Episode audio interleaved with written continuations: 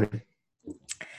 All right, hi everyone. Welcome to another episode of the Value Vegan podcast. Today we have Ruji here, who is the host of the Vegan Ambition podcast. And we're super excited to hear his story and some of his top tips. So thanks so much for joining us. Hey, thanks for having me on the podcast. Um, really excited. Um, yeah, my story is that, we, is that the first question? Hmm. I'm supposed to ask the question, but like, go ahead. Oh, okay. Go ahead. No, ask me. Ask me. so, to start off with, why don't you tell us a little bit about your story? Okay. So, I've been vegan for about two years. Um, before that, I was the first thing I did was I went pescatarian, and I did that for my health primarily. Um, so, I decided that I was just eating like crap, and I was like, you know what? I need to start eating a little bit better and i knew that for me it was really hard to like just stop eating uh, or not to stop eating to like change my diet. So i just decided to stop eating the things that i would like that would like be bad for me like chicken. Um, and i did that for about a year. And then i at one point i was just eating something and i was like i was like i don't need to like be pescatarian anymore. I can just i can just go vegetarian fish isn't like that much of a thing for me. I, I think I was also like learning a lot more about um, the environmental aspects and learning a lot about just um, kind of like how how much better like vegetarianism is, and so I just decided to do it. And then a few months after that, I went to a sanctuary um, for the first time, and I met this cow. Her name was Baby. She passed away recently, actually. Um, yeah, it was really sad when she passed away. Um, and I don't know, like growing up in the city of Toronto and like, uh, I never really met farm animals um, mm-hmm. before. And so this was kind of my first um, experience meeting that kind of that like animal. Uh, you know, growing up, I had a dog and, and, so forth, and so I knew, like, I understood how animals live with humans, but I never really thought about the uh, existence of farm animals and how that uh, is like a whole thing of itself. And so I went to the sanctuary that um, it's called Farmhouse Garden Animal Home. Uh, it's like a popular one up in Uxbridge in Ontario, Canada. And so I met this baby cow, and she came up to me, and she like she like went right up to my camera. I was taking photos of her, and she like looked at my camera and was like kind of like, "What is this? I want a photo." Like she was like so different. She was so much like my puppy uh, that I was extremely surprised and uh, extremely like interested in that. And then later on, the farmer who like owns the sanctuary or who owns all the animals there, he grabbed an apple from his like apple tree there. And he starts eating it, and she, none of the other cows, but she comes up to him and she's like, uh, "Where's my apple?" Excuse-moi. Uh, and he, of course, had to get her give her one because she wouldn't stop. Uh, she was raised differently. So like normally cows that are raised for some kind of purpose in the whole world are raised for that purpose. They're not raised like pets. She was raised more of like a pet, and so she was a little different than the other animals. Um, wow. Yeah, and then I went vegan, and I've been vegan for two years. And I started a podcast about uh, nine months ago or ten months ago now. Mm. Uh, yeah. That is so cool. So it kind of took you seeing the cow for, you know, who it really was. Like, cause you have you hadn't been exposed to that before mm-hmm. to like really see that. So do you think more people should be like going to sanctuaries or like how can we kind of start to develop that empathy?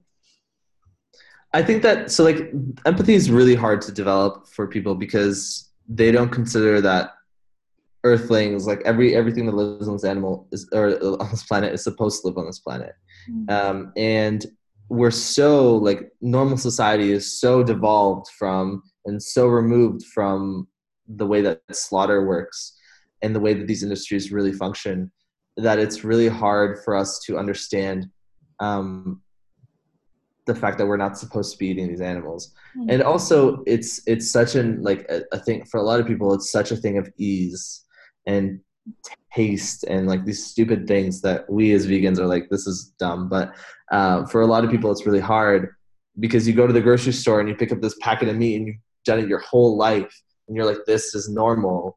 And now i go to the grocery store and i'm sure you have the same experience and you go to the grocery store and you're like this is not normal. Yeah. Um, i like can't even look at it. I like avoid yeah. that area completely. Yeah yeah yeah. Every time i like walk past it i'm just like all right i look to the side. I'm like no no no i do not um, want to deal with that. So i think i i do think like going to a sanctuary meeting animals um, is really important and really beneficial mm-hmm. to, to, people. And um, just like just like understanding that these beings are here to live and we grow them to kill them. And that's just like it's not cool. Wants to be grown to be murdered. I don't want to be murdered. Yeah. Yeah and so what you were saying about this one cow not being raised like the others like tell us a bit more about that and like how cows are normally raised. Yeah so normally cows are raised in um in like groups with other cows and although like so you see a lot of these posts um on the internet sometimes where it's like dairy farmers or other farmers are like look how much love i'm giving this animal. I'm feeding it making sure it's fine. And i'm like that's great uh, that you're taking care of your animals you should be. It's your job. But the fact that these animals are like raised without any love any like proper love past a couple days old um, is really like horrific. And uh and a lot of these farmers like they're small they're smaller farms. So smaller farms they may have they may provide more love for their animal. Um, that's not necessarily still not necessarily good because the animal still will die one like will be killed for meat one day. But most milk most meat uh, most eggs most everything is produced on a, on fact in factory farms. And we know factory farms suck. But it's it's terrible like i watched a video recently of this vegan activist and he was in a he went to visit a farm or a place where they uh, kill cows, halal cows. Mm-hmm.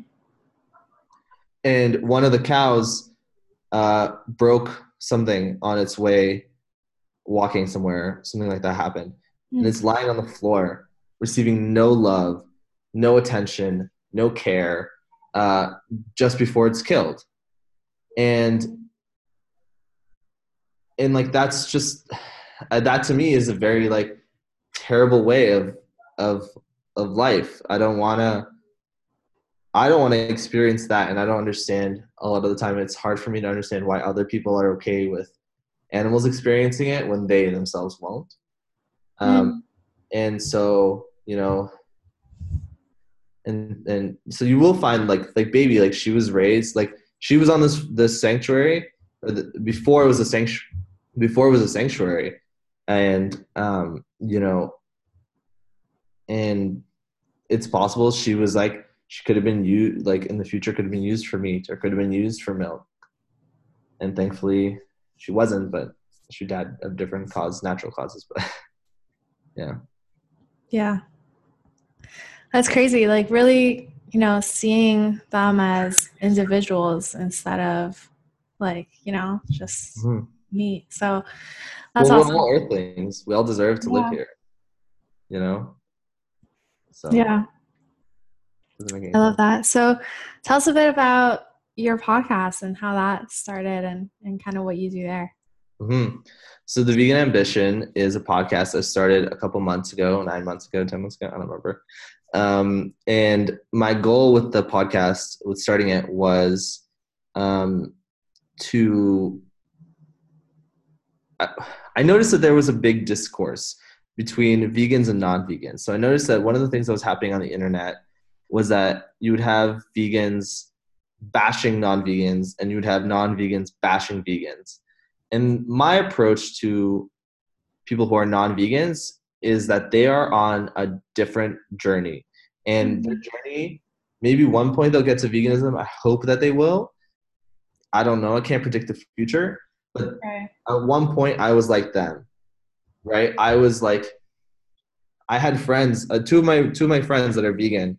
I, I was friends with them in high school, and they were vegan in high school. And I literally told them I will never go vegan. And everybody has done that. Everyone is every vegan has done that, unless you were born with it. You've done that, and um, it's like, and it's like so funny because it's like I don't I don't think like um, having a discussion or a discourse that is uh, bad or like mean is helpful to anybody. Yeah. Uh, and so that was the main focus of starting my podcast was to kind of to loosen the the the discussion around it. And I've had I've had a lot of my a lot of non-vegan friends on it and a lot of non-vegans in general on it, as well as vegans. Um, and it's been great. Like sometimes, like, uh, and I'm just trying to show them where I come from and what my Mm-hmm. options and why I do the things I do. And you know, sometimes they'll think, and I hope that sometimes they'll think about those decisions and whether or not those are the right decisions. Um, and at the same time, I also wanted to create like a platform for people to learn more about veganism because I found that there wasn't really many at the time. Yeah, I love that. Same. That's why I started my podcast. But okay, so on that topic of engaging non vegans, what do you think are some of the most productive, non overly offensive ways of, uh, I guess, sharing this message? Yeah, I mean, I think so.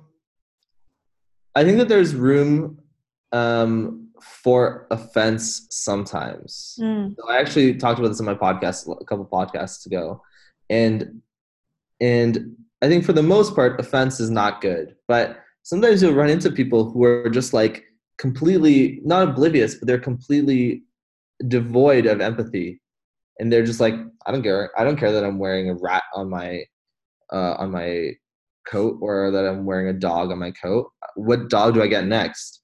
And that those people, I think those people, they won't get it until they're offended. They won't get it until they're until they really get it. mm, Most people, though, the best I think the one of the best courses of action is is to talk about it subtly and to bring it up once in a while and to encourage people to just try foods that you have like i i had a bet with my friends and i lost the bet. And originally i was going to pay them money 100 bucks whatever. And i'm not i'm not like saying betting is good. I'm just you know. But at some Make point people go vegan by betting. yeah. At some point i commit i like convinced them. I was like okay what if instead of a hundred dollars i'll take you out to a restaurant a vegan restaurant? And they're like yeah that's fine. And i'm like that's i feel so much better about that because now i know my money is going towards like a, a vegan cause and they'll also eat something that's good and they'll maybe learn something and try something in the future. Mhm. I've had lots of I think I mean the whole world like the whole world the whole country at least in Canada Toronto is like starting to eat more vegan stuff but like I think encouraging that is good or I've had friends that are like you know they're like I eat a sandwich every day and I'm like I'm like cool um you know uh, have you tried this like fake meat? How is it? Maybe you put on your sandwich next time. And these kinds of little things I think they add up and they're very helpful. And yeah. Yeah. Yeah. I like I think that's really fascinating because someone else I just interviewed was talking about how the entire reason he went vegan was because one of his coworkers where he was working would just like casually bring it up and like, you know, share food and stuff like that. And he he thought he would never go vegan. And here he is nine years later, he started his own vegan fashion brand. Yeah. And um, I'm like, wow, like the potential. And imagine how awesome that one person must feel who like actually caused that to happen. It's like Mhm, mhm. insane. And it's like these little ripple effects of everyone just kind of being proud of being vegan and just sharing like authentically, you know, the benefits and like why they did it. Mhm. Um, so I think that's really cool. So Mhm. that's awesome. I, yeah, I think I really think like the little things add up, and I think just being like nice to people, like like uh, there's a lot of vegans out there. Like there's I don't know if you've heard of Joey Carbstrong. You know, like I find his so like look him up later, but he's an offensive vegan, I guess. Like very very intense, like you know, and he'll like yell at you and be like very like a lot. and then there's other people like James Aspey who's like very soft spoken. He's very like, listen, like this is how it is, and I wanna I wanna see what we can do, how I can help you, and try to change this for you. And I think mm-hmm. like that is more beneficial than like just being aggressive because people react poorly to aggressiveness. Um, as well as the little things. I'm trying to do that at work. Like every time that like I'm I get vegan lunches at work now and I'm trying to see like how I can encourage people to like eat more vegan or like see uh, if we can like order vegan cakes on birthdays. You know, yeah. these kinds of little things that will eventually like hopefully tumble out to something bigger. Nice. I love that. Awesome. So, just to wrap up, share with us some of your top tips for new vegans. Ooh. My biggest recommendation for people who want to go vegan and who are currently not vegan at all, not vegetarian, not pescatarian, nothing like, um, is to take it slow. I think a lot of people, you've seen a lot of people on the internet recently, they're like switching back from veganism, or there's just like, like I know, I think the the people go back from veganism after three months mm. uh, is like very common and you know as much as i personally would love to remove all harm in the world i'm also a, real, a realist and i know that that can happen overnight and i think that like for people who want to go vegan you need to set yourself expectations and understand that it might be hard the first couple days um, it might be hard the first couple months eventually you'll get the hang of it i really recommend people to take it slowly and gradually mm-hmm. um, to like either do it a couple times a week and be like okay this is my vegan day and then try to add on or to do it kind of like a pescatarian vegetarian vegan like how i did because i think it's a bit more realistic for people because it's a it can be a big change um, and it can uh, be difficult for you and it can be difficult for your body and all these kinds of things. And so i just always think that it's best to take it slow. Mm-hmm. that's nice. my that's my most important thing. Nice. Awesome. And what if someone's a vegan and they feel like they have no vegan friends and they just feel really alone? What would you say to this person? Facebook. I had that i didn't have that experience but i was just thinking about like i'm moving back to toronto soon, and I'm like, I don't have a mm-hmm. lot of vegan friends from. I'll be your friend. Huh? I said I'll be your friend. yes. You got me one person. so I I just posted on Facebook. There's like a there's a vegan group, uh, and I posted on there, and I was like, hey, you know, I'm looking for more some more friends. Or I lived in Hong Kong uh, last year, and I just found a Facebook group, and I went to dinners with them, and it was great, and I met lots of people I think that's like the best, really like Facebook, Facebook, like Google your city plus vegan and just put it on there and just start talking to people. That's mm-hmm. the best way. Uh, there's no solution to that. Maybe like going to vegan restaurants a lot. yeah. Just show up every day at the vegan cafe. yeah. But I mean, I also think like you shouldn't get like upset when you have non-vegan friends. Mm. You know, I have a lot of non-vegan friends. My family is non-vegan. Um, and I consistently try to push as much as I can for us to eat more vegan options. Like even over the last, like my sister always loved vegetarian food, uh, but over the last like year or so, I've been I, I always eat vegan at their house, and I've been trying to encourage to see how much how much more often she can eat vegan also. Uh, and it's just kind of these little things, and I think like like I think that's also really great um, for the world because if we like just seclude ourselves to vegans, then it's just gonna there's no no good not gonna be any new ones. You know, like we want more new vegans. Yeah, yeah, and I think like so many of us underestimate the impact that we're already having just by existing as a vegan. Like, yeah. you know, because it makes it makes people think like your family, right? Or like for me, my boyfriend's family is Chinese, and a lot of the time they're not eating vegan at all. But they mm-hmm. could, but because I join them on like family lunches, they kind of have to think about like, oh, okay.